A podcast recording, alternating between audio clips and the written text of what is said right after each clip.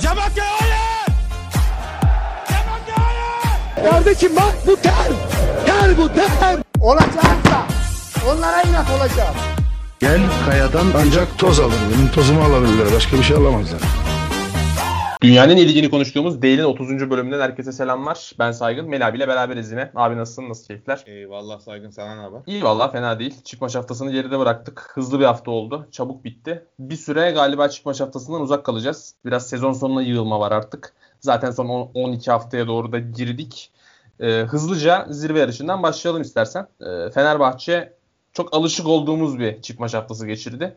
Ee, haftanın başında Trabzonspor deplasmanda yendiler. Tam hadi toparlanıyoruz vesaire derken ilk sahada Antalya beraberliği. Daha sonra da yine mi uzaklaşacağız derken yine bir deplasman galibiyeti imdatlarına yetişti. Konyaspor'u 3-0 yendiler. Ee, Mesut Özil'in bir sakatlığı var. Ee, onda sanırım aynı noktadayız. Ee, tabii ki hiçbir oyuncunun sakatlanmasını istemeyiz. Fenerbahçeliler de istemez ama Fenerbahçe'nin orta vadede işine yarayacak bir sakatlık gibi duruyor sanki abi. Ya keşke hani evet önce sorunun cevabı hemfikiriz. Ama diğer taraftan keşke Mesut'u başka türlü kullanmayı da değerlendiriyor olabilseler Mesut ikna olur mu bilemem. Ama keşke biraz da öyle düşünselerdi. Hani böyle son 30 dakika sanki daha iyi olur gibiydi Mesut'a. Peki e, yani hem Antalya maçındaki hem Konya maçındaki durumla ilgili ne söylemek istersin? Yani Fenerbahçe adına çıkarım yapabileceğimiz bir süreç mi oldu yoksa hani Gençler Birliği çok kötü durumda belki istisna olabilir ama Fenerbahçe'nin yine bu iç saha deplasmandaki uyumsuzluğu sürecek mi sence? Ya bence iç saha deplasmandan ziyade rakip formatı çok etkiliyor. Gerçi son Konya maçında beğendim Fenerbahçe'yi. Özellikle ilk 30-35 dakika falan çok iyi top oynadılar. Ama yine bir temel sorun baş gösteriyor Fenerbahçe. Bence çok iyi oynadı. Ben hatta bu sezon gördüm en iyi Fenerbahçe oydu herhalde. Hani hiçbir şekilde çıkarmadılar. Önde bastılar, yapıştılar. Sahaya çok iyi yerleştiler. Ee, Ama açılış golü nereden geldi abi? Yani yine duran top. Duran topun dönüşü. Evet, evet duran top dönüşü. Duran top döndü. Mert Hakan arka direğe kesti. Yani aslında bir duran top golü. Zala'ya evet. yattı zaten ceza sahası içinde golde. Yani dolayısıyla Fenerbahçe'nin o sorunu sürüyor. Hatta ben şey yazdım. Bir ar- işte bir arkadaşıma Twitter'da hani Fenerbahçe'nin bu mental kondisyonu devam edemez bu şekilde falan yazdım. Dediğim oldu ama golleri de bularak oldu biraz. Hı hı. Ee, ondan sonra bir de kontradan işte zaten ikiye çıkardı farkı. Ama abi ikinci de gerçekten anlamadım. Ya sen anlayabildin mi? Hani ben şok içerisinde yani bu kadar geriye yaslanma fikri özellikle takımın özgüvene de ihtiyacı varken ve önde baskı yaparak inanılmaz top oynarken bence evet. sezonun en iyi topunu oynarken bu fikir yani bu, bu kadarı da bana fazla geliyor. Bana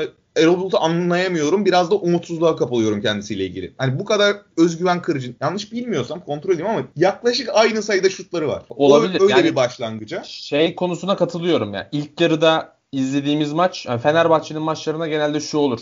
Ya bugün puan kaybedebilir Fenerbahçe hissini çok fazla maçta verdi bu sezon Fenerbahçe ama bu maçın ilk yarısında hiç öyle bir hissiyat vermedi. Konya Spor buradan puan alır gibi bir görüntü hiç yoktu. Ama dediğin gibi ikinci yarıdaki görüntü daha önce çok kez gördüğümüz öne geçince fazlasıyla geriye çekilen Fenerbahçe'yi gördük yine.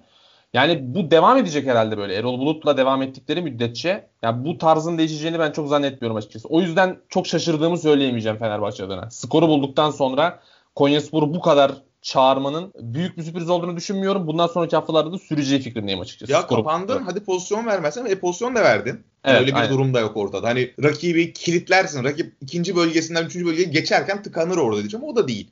15-14 şutlar bu arada. Bu paralelde baktım. Konya 15-14 önde. Yani o, sürpriz o değil. 35 dakikanın hakkı da bu değil. Evet. Ee, ben dolayısıyla ben işin negatif ve sol bekte Adil Demirbağ oynuyordu abi. İstiklal Marşı'nda ağlayan Türk stoper oynuyordu sol bekte. hani net tanım yapmak gerekirse agresif önde şey yapan ve abi 4-5 tane orta kesti falan ikinci devrede ki 90 dakika oynaması da bence garabet. Hani ellerinde yok biliyorum. 3 bekleri de sakat. Sadece Scooby şeydi müsaitti oynamaya. Ama abi Musa Çağrı'nı falan bile koyarsın oraya yani o dakikaya geldikten sonra. Adil Demirbağ hala orta kesmeye çalışıyordu. evet çok anlaşılır bir durum değil cidden. Abdülkerim'i belki sol tarafa koymak daha makul bir fikir olabilirdi gibime geldi benim de. Ya Hatta ben de ben bana da öyle geldi Maçı- abi. Ya, Bozmak maç istemezsin. öyle yapmışlardı hatta. Çok alışmışlardır abi geride öyle bir top kullanabilen bir stopere. Olabilir Çok evet. dağıtabilirdi. Onu da anladım ama abi Musa Çağıran falan artık Hadzi Ahmet, Ahmetoviç'i aldı oyuna ama o tip bir oyuncuyu bile atsan olurdu. Çünkü top kullanması gerekiyordu. Kapattı abi Fenerbahçe'yi. Ben gerçekten inanamadım ona. Ee, onun haricinde şeye ne diyorsun abi sen? De ben şeyi anlamıyorum. Sana da onu sorayım. Pelkas bu takımın şu an en iyi performans gösteren oyuncusu değil mi? Bu arada Evet. onda geçmiş olsun dileyelim. Yani çok Aynen öyle. Korkunç yaşadı. Evet. yani ciddi bir şey olmadığını duyuyoruz. Ben de bayağı mutlu oldum. Hı hı. Ee, abi İrfan girdi. Pelkas sol kanada gitti. Yani en iyi oyuna, takımdaki en iyi performans gösteren oyuncunun yeriyle niye oynarsın ben anlamıyorum. Çünkü sol kanatta sıradan bir oyuncuya dönüşüyor maalesef. Ya bu mecburiyetler devreye giriyor aslında Hayır abi burada. İrfan'ı koy sol kanada ya. İrfan sol Yani- kanat oynayan, yani Pelkas'ın yapamadığı neyi yap... Ya, Bence Ne- daha Pelkas'ın sol ön performansını daha çok tutuyor olabilir. Yani mesela Özil sakatlanmasaydı Pelkas'ı muhtemelen bir daha 10 numara mevkisinde göremeyecektik Fenerbahçe'de. Çok öyle bir şey olacağını zannetmiyorum ben. Ya İrfan'la ilgili mesele de buna benzer bence. Sol iç olarak kafasında öyle kodladı büyük ihtimalle. Sol öne atma tercihi yok. Pelkas'ın orada daha çok yapabileceğini düşünüyor ama seninle hemfikirim yani. Bunu sezon başından beri konuşuyoruz. İrfan'la Mesut Tökken de konuşuyorduk. Şu anda da hemfikirim seninle. Yani bu takımın 10 numarası Pelkas olmalı. Çünkü hem form durumu olarak hem yaratıcılık anlamında, kilidi açma anlamında Fenerbahçe'nin en değerli oyuncusu şu anda. Yani hiç, ikinci bir oyuncu saymak çok zor. abi bir de ben Pelkas'ım uçuyorum ya. Kanat takmışım abi. Hani ikinci goldeki asistini gördük. Evet. O sayısı. İnanılmaz bir asist. Trabzon'a attığı gol, at, gol attığı gibi gitti abi. Araya zehir gibi top bıraktı. Hı. Yani bu kadar çok verim veren bir oyuncu. İrfan oynasın abi sol kanatta. Hani İrfan'ı sahaya at- atmak istiyorsan çok saçma. Bana aşırı saçma geliyor. Ben olsam İrfan yani şu anki performanslarla kaleye Altay'ı orta 10 numaraya Pelkas koyarım geri kalanını öyle dizerim. Evet. İrfan-. Ama Yani bir de hani İrfan yapamayacak topçu da değil. Onun için de söylüyorum bunu. İrfan solda da yapar abi kendi işlerini. yani ben de seninle fikrim ama e, açıkçası İrfan'ın dahil olduğu senaryoda da ben Pelkas'ın bundan sonraki maçlarda herkes sağlıklı olduğunda sol tarafa gideceği fikrindeyim. Ya büyük Çünkü hata. Fenerbahçe'de Fenerbahçe'de bir şeyler e, değiştirmekte çok zorlanıyor Fenerbahçe. Bazı konularda Erol Bulut da camia olarak da biraz inatçı bir camia. E, ben çok değişeceğini düşünmüyorum açıkçası onun. Bekleyip göreceğiz. Anladım. Anladım. Bir son olarak şeyi sorayım. Ozan'daki duruma ne diyorsun? Ozan Ya Ozan abi bunu da konuştuk. Yani Ozan'ın sahadaki ruh hali e, sağlıklı değil. Yani sezon başında geçen sezondan gelen ciddi bir Ozan Tufan performansı vardı. Ama o kadar büyük bir yük bindi ki omzuna. Yani sahada Fenerbahçe'nin hakkını arayan oyuncu şeyini, yükünü tamamen yüklemişler görünüyorlar. Ozan da bundan biraz yararlandı da aslında. Yani biraz Fenerbahçe'nin bu e, suçu başka yerlere atarak kendini bir şeylerden ayıklama halinden Ozan da faydalanmaya çalıştı. Son haftalarda gerçekten iyi de bir performans göstermiyor. E, kesilmesi normal geliyor şu aşamada tabii ki ama yani onun gelmiş olduğu durum ruh hali çok şey anlatıyor Fenerbahçe adına. Hem fikirim ben orada bir de şey Ozan'da şey gözüme takılıyor. Mert Hakan'ın bu yine iyi oynadı bence. Hı hı. Yine iyiydi ama Mert Hakan'ın yaptığı işin 5 katını falan yapabilecek kapasiteye sahip Ozan ve Kesinlikle. o fizik durumda. Evet. Ama Mert yani Ozan Sosa'nın götünü toplamak istemiyor açıkçası. Ne bileyim sol öndeki oyuncunun götünü toplamakla ilgili sorunları var. Hani kend- kendisini bunları yapan oyuncu değil, kendi işini gören oyuncu olarak tanımlıyor gibi geliyor saha içerisinde bana. Hani topu Sosa kullanmasın ben kullanayım Hı hı. fikrinde biraz. Hani o şeye ikna olabilmiş değilim. Oyuna ikna olabilmiş veya işte örnek veriyorum işte rolüne orada Mert Hakan'a bugün yaptığı rolü kendisi yapmak istemiyor diye anlıyorum. Biraz da o yüzden kulübede kalıyor. Mert Hakan da yemin ediyorum biat, sonsuz biatla bence yine iyi top oynadı. Yani elinden gelenin en iyisini yapıyor çok belli. Hiçbir ekstra yapmıyor. Hatta devrenin sonunda bir şutu var. Ceza sahası içinden sol ayağıyla. Evet, Ama herkes gitti sırtına bir pıt pıt vurdu. Çünkü şey yani o kadar biat ve o kadar takım için oynuyor ki herkes o şutu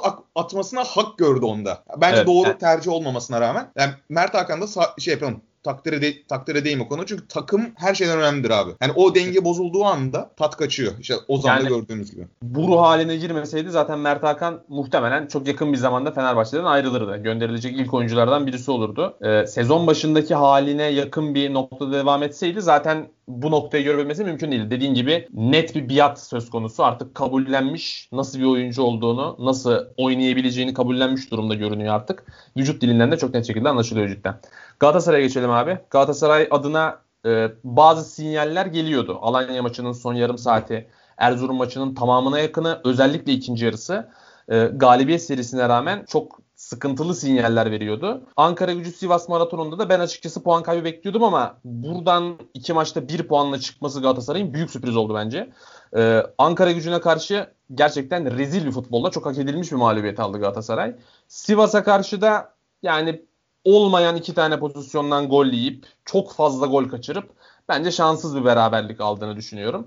Ee, sezonun ilk yarısındaki Kayseri maçı vardı Galatasaray'ın. O maçta gerçekten çok iyi oyunu çok iyi bir futbol oynamıştı. Bu maç onun altındaydı kesinlikle ama o mantığa, o maça yakın bir maç aslında Galatasaray'dan ama e, beni asıl endişelendiren biraz Fatih Terim'in sanki e, yani kafası gidip gelmeye başladı yine. O sürekli zaten konuşacağız birazdan saha dışına çıkan kulüpleri. Herkes çıkmaya çalışıyor gerçi ama o saha dışına çıkma halinden biraz Çıkmayanları konuşalım kısa sürer.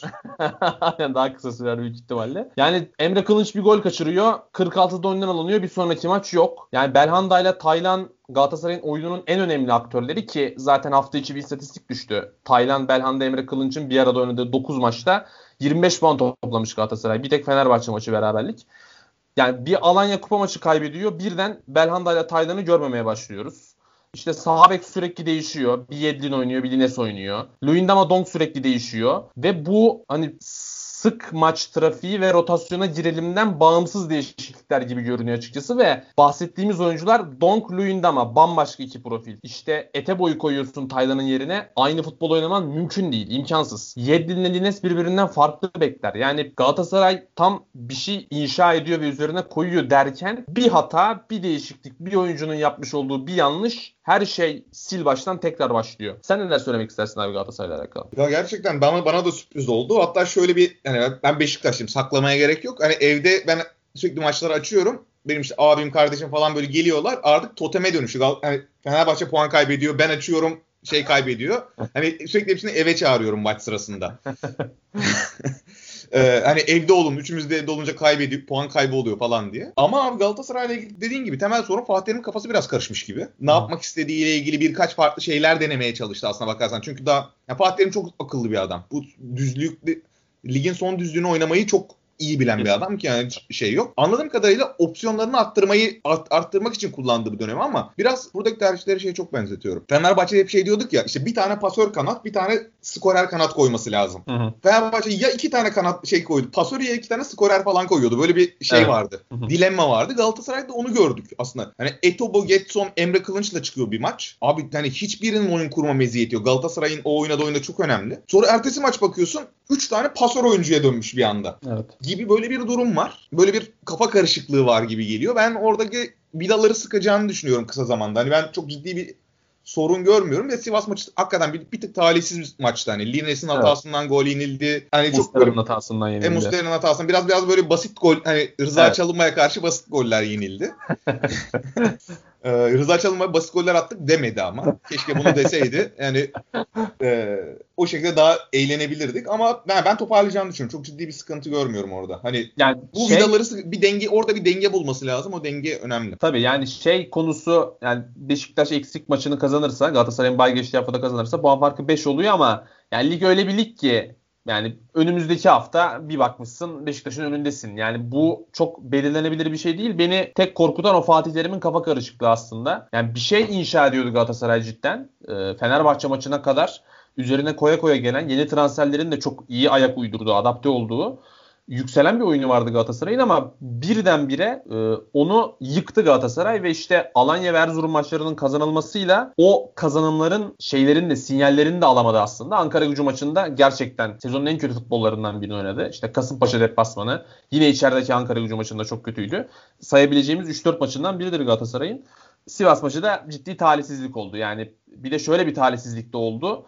E, şimdi Falcao'nun 2 gol atmasıyla Mustafa Muhammed'in de dönmesiyle muhtemelen bir 4-4-2 göreceğiz ve 4-4-2 Galatasaray'a pek hayırlı gelmiyor. Yok abi ee, bence o da buradan sonra korkuyor. yapmaması lazım. Hatta şeyde de yaptı bunu. Ankara Gücü maçının ikinci devreye de öyle başladı. İşte belki daha çok görebilirdik onun emaresini ama işte Mustafa Muhammed'in kırmızı kartı biraz engel oldu. Belki onunla ilgili daha fazla görüyoruz ama ben şu dakikada bu tip bir değişiklik yani şunu yapabilir tabii. Bunu B planı olarak uygulayabilir. Maç sıkıştığında suyun akışını değiştirmek için böyle bir yönteme gidebilir bana kalırsa. Hı hı. Elinde böyle bir silah olması iyidir. Alternatif olması iyidir ama A planını değiştirmesi çok saçma olur. Ya bence şey yapma ihtimali çok yüksek. Yani 4-4-2 mi olur nasıl olur bilmiyorum ama Falcao ve Mustafa'yı beraber kullanacakmış gibi geliyor bana. Mustafa'yı bir kenara atıp kanat forvet gibi kullanıp ama bu sefer de diğer kanattaki oyuncu inanılmaz kritik önem ama kazanıyor. Onyekuru, Onyekuru o adam yani. Hani... O adam Onyekuru ama Onyekuru'nun da performansı konusunda ciddi soru işaretleri var. Yani Onyekuru Galatasaray için çok değerli oyuncu ama sanki bir iki hafta bir kenara gelse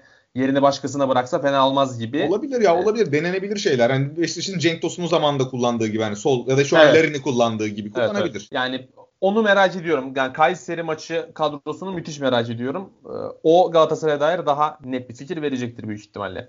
Beşiktaş'a geçelim abi. Beşiktaş'ta her şey yolunda gidiyor desek çok yanlış olmaz herhalde. 2'de 2 ile çıktı buradan. E, Malatya deplasmanında e, daha iyi bir zemin belki ama o şartlarda olacağı kadar oynadı Beşiktaş ve 1-0 kazandı. Gaziantep maçında da aslında Fenerbahçe Konya maçının ilk yarısı için söylediğimiz şeyi bu tarafta Beşiktaş Antep maçı için- de söyleyebiliriz bence. Yani hani belki son dakika iş direkten döndü ama maç içinde ben Gaziantep'in puan alabileceğine dair hiçbir hissiyata kapılmadım hemen hemen. Bir 10 dakika falan e, ikinci yarının başında fena değillerdi. İkinci golle o da bitti bence. Yani Beşiktaş çok net şekilde şey hissini veriyor. Ben maçı kazanacağım. E, çok fazla uğraşmayın. E, bu maçı size ortak etmeyeceğim hissini çok net şekilde veriyor açıkçası. Hem rakibi hem seyircilere gibi duruyor abi. Çok haklısın. İşte par- farktan kastım oydu. Hani ilk devre Fenerbahçe'nin Konya Spor'a karşı ikinci devre, Beşiktaş'ın Antep'e karşı Hı. ikinci devre ki Beşiktaş'ın kötü bir maçıydı. Yani Beşiktaş da çok ideal demiyorum burada. Hı. Ama o hissiyat meselesi. Dakika 90'da evet 2-2 olabilirdi. Yani Sergen Yalçın da muhtemelen çok takacaktır bu işe. Hani Evet. çünkü yani Sergen Yalçın'ın tek bir hedefi var abi. Kazanmak. Adam kazanmak istiyor. Bunu yaparken de bazen yapmaması gereken şeyleri bile yapıyor. Mesela atıyorum Gökhan Töre Hasic tercihi. Kazanmak için yapılan bir tercih. Gökhan Töre'yi ben diyor bana gelse bir iki tane maç çözse diyor. Ya da 60'ta attığımda bir iki iş yapsa benim işimi görür ama Hasic'in onu yapacağından emin değil. Gökhan'ın yapmışlığı var. O yüzden tercih hep Gökhan'dan yana oluyor. Gökhan'ı bir şekilde ısıtmaya çalışıyor. O silahını cebine koymaya çalışıyor. Dolayısıyla Beşiktaş'ta her şey yolunda abi. Ama işte yine temelde şeyi gördük. Ben hala şey konusunda iddialıyım. Beşiktaş merkez ikilisindeki üçüncü oyuncu kim olacak abi? Hani Atiba Joseph oynayacak oynayabildiği kadar. Ama onlardan biri olmadığında kim oynayacak? Ben burada şey eee, sıkıntılı olduğunu düşünüyorum bu konunun. Çünkü ben orada oraya koyduğumda aa tamam bu da yapar ya dediğim üçüncü bir oyuncu yok şu an. Evet bir de e, sürekli konuştuğumuz Atiba'nın sezon sonuna dair sezon sonuna doğru düşme hali oralara yaklaşıyoruz. Biraz Mart sonu Nisan başı gibi Atiba'daki düşüşler başlar genellikle. E, orada aslında bir oyuncu daha eklemesi gerekecek oraya. Şu an Atiba Joseph tamam üçüncü oyuncuyu konuşuyoruz belki ama Atiba'da bir düşme başlarsa e, ki utandırabilir de bizi belki bu kez Mayıs ortasına kadar düşmeyecek ve Beşiktaş rahat bir şampiyonluk kazanacağız. Bunu kazanacak bunu bilemiyoruz tabii ki ama e, oradaki Yok, hiç durumu artık belirleyici olacaktır. Rahat bir şampiyonluk olacağını mı? Evet hiç sanmıyorum abi. Yani bu lig daha bu 13 hafta var. 12 ya da 13 hafta var yani şey itibariyle. Maç sayısı itibariyle. Beşiktaş'ın 13, diğerlerinin 12 var diye biliyorum. Evet. Bay geçenlerin 13, diğerlerinin 12'şer maçı var da. Hiç sanmıyorum kolay bir şampiyonluk olacağını. Ben sondan birinci haftaya kadar hiçbir şeyin çözülebileceğini en en erken sondan birinci hafta şampiyon olan şampiyon olur yani. Yani ben de o fikirdeyim de hani şey açısından söyledim. Belki Atiba sezon sonuna kadar hiçbir sıkıntı yaşamayacak açısından söyledim. Ee, yani bekleyip göreceğiz. Beşiktaş yani beni inanılmaz şaşırttı. Bu sezon en çok şaşırtan takım Beşiktaş. Ben şampiyonluk yarışında olmasını hiç beklemiyordum. O sezon başındaki o girişten sonra hele. Muhtemelen sen de öyleydin gerçi ama. Ben ben ben Atiba Joseph'in de iyi bir ikili olduğunu düşünmüyordum. Evet Ama- evet aynen öyle. Aynen öyle. Yani Ya- buyur abi. Ya sadece yani o ikisinden yeteri kadar Beşiktaş'ın kapalı savunmalar açacak bir oyun çıkaramayacağını düşünüyordum. Şu ana kadar bence hala ideal değil ama çıkartıyor. Hı hı. Yani yetiyor mevcut ligin kalitesinde. Abi yavaştan e, ligdeki diğer bir konumuza geçelim. E, yani artık çok alışkanlık haline geldi bunu konuşmak, e, bunları görmek sosyal medyada ama e, artık iyice cozuttu iş. Özellikle son e, bir hafta 10 günde. E, işte Fenerbahçe açıklama yaptı, Galatasaray açıklama yaptı, Fatih Terim maç sonu konuştu. Sergen Yalçın kazandığı maçlardan sonra da bir yerlere bok atıyor. İşte Sivasspor benim neyim eksik dedi. Tedirginiz şeklinde bir açıklama yaptı Galatasaray maçından önce. En son Kasımpaşa bir açıklama yapmış Antalya maçından sonra. Yani atladığım çok fazla Antalya. muhtemelen. Antalya, Antalya benim aklıma gelen. Ee, yani atladığımız şu an 5-6 tane saydık ama muhtemelen kaçırdığımızda 3-4 tane daha vardır. Abi yani hep oluyordu hakemlere karşı açıklamalar, demet savaşları bir şekilde e, hakemleri baskı altına alma çalışmaları ama ya bu sezon başka bir seviyeye çıktı sanki bu. Abi delilik seviyesine geldi. Şey gibi. Hani Cem Yılmaz'ın şeyde bir tane gösterisinde bir şey vardı. Askerlik anısını anlatıyor işte. Er gazinosunda televizyon izlerken işte birisi bir durun amına koyayım ya dediği zaman herkes sırayla bağırıyor ya. Bu da onun gibi. Biri bağırmaya başlıyor oradan diyor ki ama öyleydi. İşte biz bizim otobüsümüzü kurşunladılar. Sen sen sen söyledin otobüs koltuğun otobüs şoför koltuğuna poz verdin. Öbürü diyor ki arkadaşlar bu çok bağıranın kazanmasını istemiyoruz. Adalet kazansın. Öbürü çıkıyor oradan diyor ki Galatasaray çok bağırdı. Önümüzdeki hafta bizi doğrayacaklar. Abi delilik ya bu. Bu neresinden tutsan elinde kalan bir durum. Şimdi bir de abi bu insanlar şimdi futbolda Kulüpler Birliği'nin şeyi değişti. Başkan ve yönetim yapısı değişti biliyorsun. Evet. İşte Ahmet Nur başkan oldu. İşte bir tek Mustafa Cengiz herhalde yönetiminde yok. Ama bu adamlar belli ki bir rol alan bir alan yani birlikte çalışmaya başladılar. Bunu net görüyoruz. Hatta Serdar Çelikler söyledi galiba. Bunlar federasyona gidiyorlar. MHK'yi istemiyoruz falan da diyorlar Hı hı. şu an. Ama beraber gidiyorsun abi bak beraber gidiyorsun. Ya bunları birbirinize söyleyemiyor musunuz abi? Yani Sivas Spor Başkanı arayıp Galatasaray Başkanı Hacı sen ne yapıyorsun diyemiyor mu da herkes spor kamuoyunu giriyor. Yani ondan sonra taraftarlar arasında bir şey çıktığı zaman şey çıkıyor. Taraftar suçlu oluyor bunda. Yani bu mantıklı bir şey değil ki siz kendi işinizi bokluyorsunuz. Fenerbahçe işte ne bileyim Fenerbahçe çıkıyor diyor ki Antalya Spor maçında hakkımızı yediler. Delirmek üzereyim. İki tane penaltı verilmedi takımın lan. Hani abi yani aklı yani bir yani içerik de doğru değil anladın mı? İçerik de yanlış. Yani bir, birisinin hakkı hakkını yendiğini düşün ve mantıklı bir argümanı vardır. Çıkar bunu açıklar. Onu da anlarım abi. Artık doğruluğuna ben post-truth dönemi kafasına göre hani hakkı yenmiş mi yenmemiş mi konu muğlak mı sana göre bana göre mi hiç bakılmıyor artık. Herkes sadece bağırıp oradan kısa vadeli bir menfaate çalışıyor. Yani birisi ya federasyon çıkıp demiyor abi siz gerizekalı mısınız? Al sana ceza verdim, sana ceza verdim, sana ceza verdim kulüp olarak. O da demiyor çünkü abi federasyonda inanılmaz reaktif bir federasyon var şu an. Federasyon başkanı var. Yani Nihat Özdemir'in hani Mehmet Demirkol'un çok güzel bir lafı var. Diyor federasyon, futbol federasyonu Nihat Özdemir'in ilk 5 önemli işinden biri değil. Abi adam holding sahibi anasını satayım. Diyor ki atıyorum Galatasaray geliyor bir şey istiyor. Tamam istediğini verin de şey olmasın.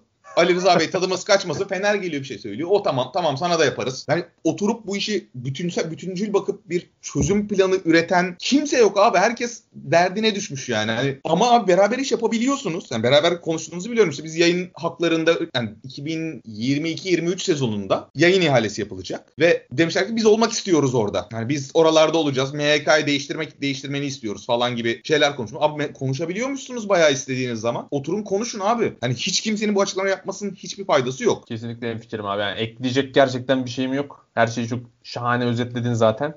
Ee, rahatsız edici. Yani açıkçası hakemleri iyi mi? Evet değiller ama yani bu futbol ortamına böyle hakemler. Yani daha iyisi zaten gelmez çünkü zaten bataklık aslında burası. Yani biz bir şekilde bu kaostan vesaireden keyif alıyoruz evet. Kendi ligimiz sonuçta. Dünyanın en iyi ligi bize göre ama yani bir bataklığın içinde de çiçek açmasını beklemek çok mantıklı değil. E, o yüzden artık kötü hakem performanslarına inanılmaz kanıksadım ben. Çok fazla bunu konuşmanın da kazandıracağı bir şey yok ama devam edecek. Yani 12 hafta daha var, 13 hafta daha var. Abi hakemin şu an devam edeceğiz maalesef. hakemin hiçbir koruması yok şu an. Hakemi kimse koruyamıyor. Çünkü ortada ne bir federasyon var ne bir MHK var şu an açık konuşmak gerekirse. Evet. Kim yani hakemlerle ilgili ağza gelen her şey söyleniyor ve kimse hiçbir şey yapmıyor. Bunu Beşiktaş'ta yapıyor, bunu Fener'de yapıyor, bunu Galatasaray'da yapıyor, bunu Sivas'ta yapıyor.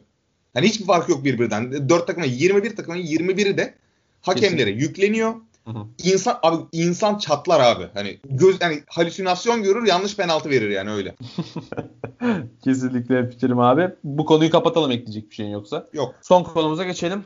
Ee, UEFA ve FIFA geçtiğimiz haftalarda bir açıklama yapmıştı. Ee, özellikle işte Avrupa Kulüpler Birliği Başkanı e, aynı zamanda Juventus'un başkanı olan Agnelli'nin e, Süper Lig'le alakalı, Avrupa Süper Ligi ile alakalı yapmış olduğu açıklamalardan sonra kulüplerin arasında görüşünü söylemesinden sonra e, tıpkı aslında FIBA ile Eurolig'in yaşadığına benzer bir sıkıntı yaşanacak gibi görünüyordu. UEFA ile FIFA buraya katılan oyuncular e, bizim organizasyonlarımıza katılamayacak bundan sonra şeklinde bir açıklama yapmıştı. Daha sonra işte bugün e, düşen bir yazı paylaşmıştın sen benimle. Yine Agnelli'nin bir takım açıklamaları olmuş. E, yeni bir yapılanma söz konusu gibi görünüyor. İşin içine UEFA'nın da dahil edildiği, e, havuzun daha da büyüdüğü ama paylaşan kulüplerin daha stabil hale geleceği muhtemelen bir organizasyon üzerinde bir takım çalışmalar başladı ki büyük oranda da anlaşmaya yakın oldukları da söyleniyor. İstiyorsan sen e, kısaca bir toparla abi konuyu daha sonra üzerine konuşalım. Ya şimdi 2024 yılından itibaren bir 10 yıllık yanlış bilmiyorsam bir anlaşma şu an planlıyorlar. Ya bu zaten bir önceki Süper Lig olayı 5 yılda her bu anlaşma önünde bir gündeme getirilir. Kulüpler Birliği tarafından, Avrupa Kulüpler Birliği tarafından ve aba altından sopa göstermek aslında. Temel niyetleri Şampiyonlar Ligi'ndeki haklardan daha fazla büyük liglerin faydalanması maalesef. Yani vahşi kapitalistliğin Allah'ı şu an Evet, yapılan şey. aynen. Ondan sonra da UEFA ile bir an- anlaşma yolu bulunur. Bundan önce ilk 4 lig ilk 4 ligin takımları dörder tane garanti hak almışlardı.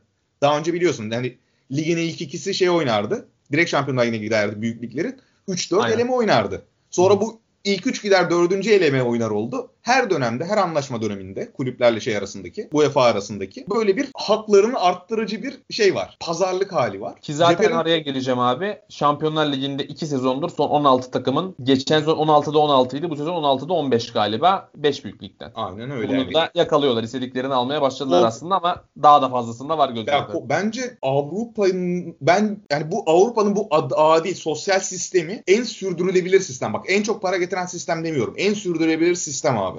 Hani NBA mesela çok başka kapalı bir sistem kullanıyor. Avrupa özellikle Amerikan sporları diyeyim. Amerikan sistemi.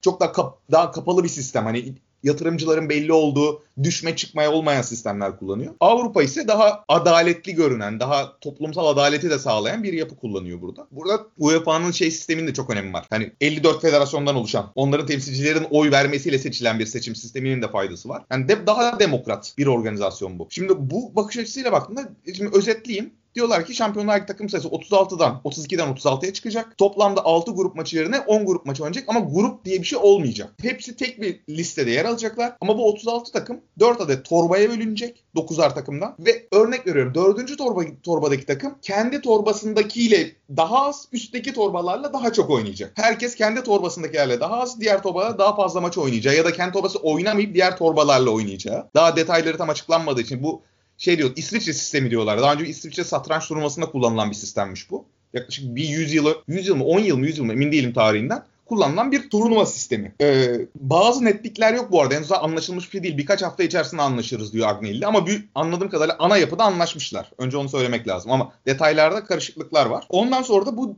36 takımı bu 10 maça göre sıralayacaklar. İlk 16 takım Şampiyonlar Ligi'ne devam edecek diyen var. Bir de ilk 8 takım doğrudan Şampiyonlar Ligi'ne devam edip 9-24 kendi aralarında bir tur daha oynayacak diyen de var bu arada. Yani ben bu reputable, daha saygın basın şeylerini okumuşum. Marka, The Guardian, BBC falan okudum hani. ESPN. Be- Belli anlaşılmayan kısımlar, belli muğlaklıklar var hala. Bun, böyle bir sistemden bahsediliyor temelde. Peki abi bunun e, özellikle kısa ve orta vadede dünya futboluna ne gibi getirileri götürüyor olur sence? Çok net şekilde söyledik. Yani bu kapitalizmin en uç noktası artık futboldaki. Bunu görmek çok zor değil ki zaten o bahsettiğimiz Avrupa Süper Ligi organizasyonuna yakın bir organizasyon aslında. İşin içine işte UEFA'yı da katıp bir sıkıntı yaşamadan paylarını artırmak istiyorlar. Yani zaten şu anda aşağıdaki bir takımın rekabete girebilmesi zor. Çok nadiren görebiliyoruz bunu artık ama sence mümkün olacak mı? 5 büyük lig dışından bir takımın yukarıya doğru fırlayabilmesi, buraları buralara kafa tutabilmesi, zorlayabilmesi eski dönemlerdeki gibi. Abi mümkün. Ben çok çok inanılmaz zorlaşacak. Şöyle düşün. Bir de şöyle bir konu var. 32'den 36'ya çıkacak diyorlar takım sayısı. Bu 4 Evet. takım, ekstra 4 takımı kime verilecek? Kimin hakkı olacak? Tabii Mevzusu orada- da baş, anlaşılamayan temel noktalardan bu olduğunu net olarak biliyoruz.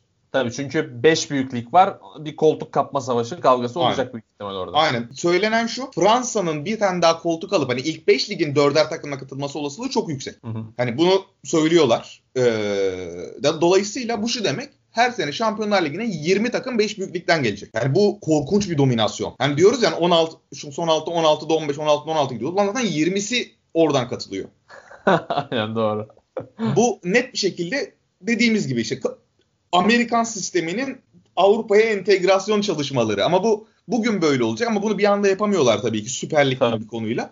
Bunu bu şekilde yapıyorlar yavaş yavaş. Her seferinde bir adım, her seferinde bir adım giderek yapıyorlar. Yani ben totalde Avrupa'ya hiçbir şey kazandıracağını, yani sürdürülebilir olmadığını düşünüyorum bu tip sistemlerin. Çünkü bir noktada tek tipleşiyorsun. Kulüpler kendi öz değerlerini kaybediyorlar. Çünkü bu kadar çok paraya odaklı, bu kadar çok başarıya odaklı bir yapıda tüm kulüpler birbirine benzemeye başlıyor. NBA'de en çok en çok gıcık olduğum şey odur. Kulüplerin hiçbir özgü, özgül ağırlığı yok. Yani birkaç kulübü dışarıda bırak ki onlar bile tamamen teslim olmuş durumdalar sisteme. Hani kulüp yani ben NBA'de drafta girdim. Benim için New Orleans Pelicans'la Char- Charlotte Hornets arası seçimi arasında benim için hiçbir fark kalmıyor hangi şehirde kısmen yaşayabileceğim dışında. Bu bence çok kötü. Hani Liverpool'un bir değeri var mesela. Bir kendine kendine ait değerleri olan bir kulüp. Barcelona'nın başka değerleri var. Milan'ın başka değerleri var. Bu başarı için her şey mübah anlayışı, başarı için ne gerekiyorsa onu yapalım. Daha çok para için daha doğrusu ne gerekiyorsa onu yapalım. Bu kulüplerin hepsini mevcut yapılarından koparacak düzen. Bir yerden sonra da insanlar birbirine benzeyen şeyleri izlemek istemezler abi. Benim fikrim bu. Peki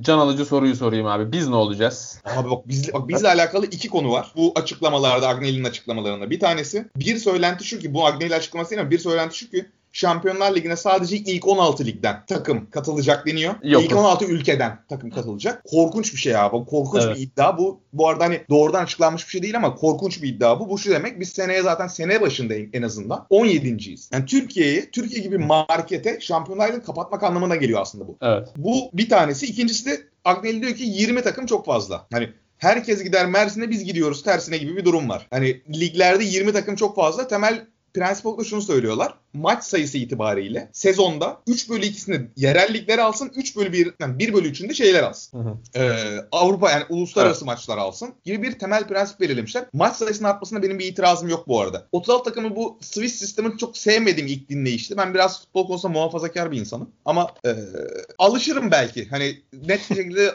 abi iğrenç bir şey bu demek istemiyorum buna. Doğru bir şekilde detaylar belirlendiğinde. Ama abi şey mevzusu çok önemli yani. Bizim işi gücü bırakıp kulüpler birliğinin futbol federasyonu bunlarla ilgileniyor olması lazım. Abi bırakın abi yok işte o maçı o mu atanmış. Bu atandıktan sonra ceza mı ceza gibi Kars'a mı gönderilmiş. Ne bu, abi iş bizim futbol hani kulüpler birliğinin işinin bu olması lazım. Başka bir şey değil. Kesinlikle. Bizim ligi 16 takıma düşürebileceklerse ben destekliyorum bu arada Avrupa. Abi biz 20'ye çıkartıyoruz 18'den ya. Delilik. İnanılmaz cidden. Bizim lig 18 takımı bile bence güç bela kaldırıyordu. Yani daha fazla kaliteli takım izleyebilmek için bizim ligin optimumu 16 olmalı bence. Bunu da tutabiliriz. Ee, ama 21'e çıkardık. Şimdi 20'de sabitlenecek.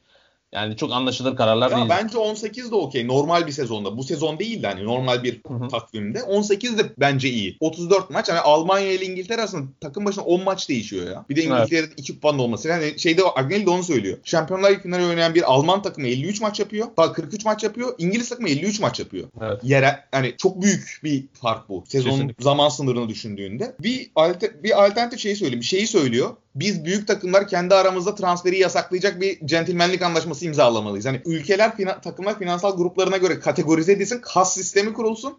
Biz kendi aramızda transfer yapmayalım, diğerlerini sömürelim sadece. Gibi bir yorum var abi. Ben inanamıyorum ya. İnanılmaz Korkunç. Ama ben hayatımda bu kadar açgözlü bir organizasyon daha görmedim. Yoksa birbirinden almayalım, alttakileri sömürelim bakış açısı. Bir de şu- şunu da sağlıyor. Örnek veriyorum. Ajax bu arada bu sistemin 36 takım sistemin mucidi Alex Van der Sar'mış. Allah onu nasıl biliyorsa öyle yapsın. Tüm bu fikirler yani Van der Sar'ın çok büyük emeği varmış bu işte. Diğer taraftan e, bu 30 hani çöplerimiz de alt gruba verelim ki onlar da kendi aralarına transfer yapmasınlar diyor. Hani, hani bize satmak zorunda kalsınlar. Hani alıcı azalsın. Abi korkunç bir şey lan bu. Yani evet bu cidden başka bir boyut artık ya. Yani aslında yine buna benzer bir durum var ama aramızdan hiç almayalım noktasında değil tabii bu iş. Yani bunun yol açabileceği şeyleri görmeyiz umarım ya. Aynen. İşte onun haricinde başka şeyler söylemiş ama işte bir tane enteresan bilgi de şey olarak vereyim. Maçların alternatif 15 dakikalık Z jenerasyonu için olduğunu söylüyor. 15 dakikalık bir yayın hakkının satılmasını da düşünebiliriz diyor. Çünkü yeni gençler hap gibi her şey alıyor ya. Evet aynen. Böyle bir şeydi diyor. Ya ben buna da itirazım var da futbolun doğasına aykırı bir konu bence. Ama yaparlarsa itiraz etmem. En azından 90 dakika yayınlamaya devam ettikleri sürece. Ben ona ondan devam ederim ama para getirici bir sistem olduğunu düşünüyorlarsa ama ben yine de orta özellikle uzun vadede futbolun doğasına bunun da zarar vereceğini düşünüyorum. Kesinlikle. Yarın öbür gün maçları da 15 dakika yapmayı teklif edebilirler demek gibi bir şey. Yani oraya varır diye düş korkuyorum. Çünkü örnek veriyorum işte 15 dakikalık yayın hakkı çok çok satılırsa bu kafa yani bu hayata bakış açısı Agnelli'nin hayat ve onun kafasına giden bakış açısı işi oraya da götürebilir. Aynen öyle abi ağzına sağlık. Ekleyecek bir şeyin yoksa değil 30 bitti diyeyim ben artık. Bitti diyelim ya. Aynen. Tamamdır. Haftaya görüşmek üzere o zaman. Hoşçakalın. Hoşçakalın.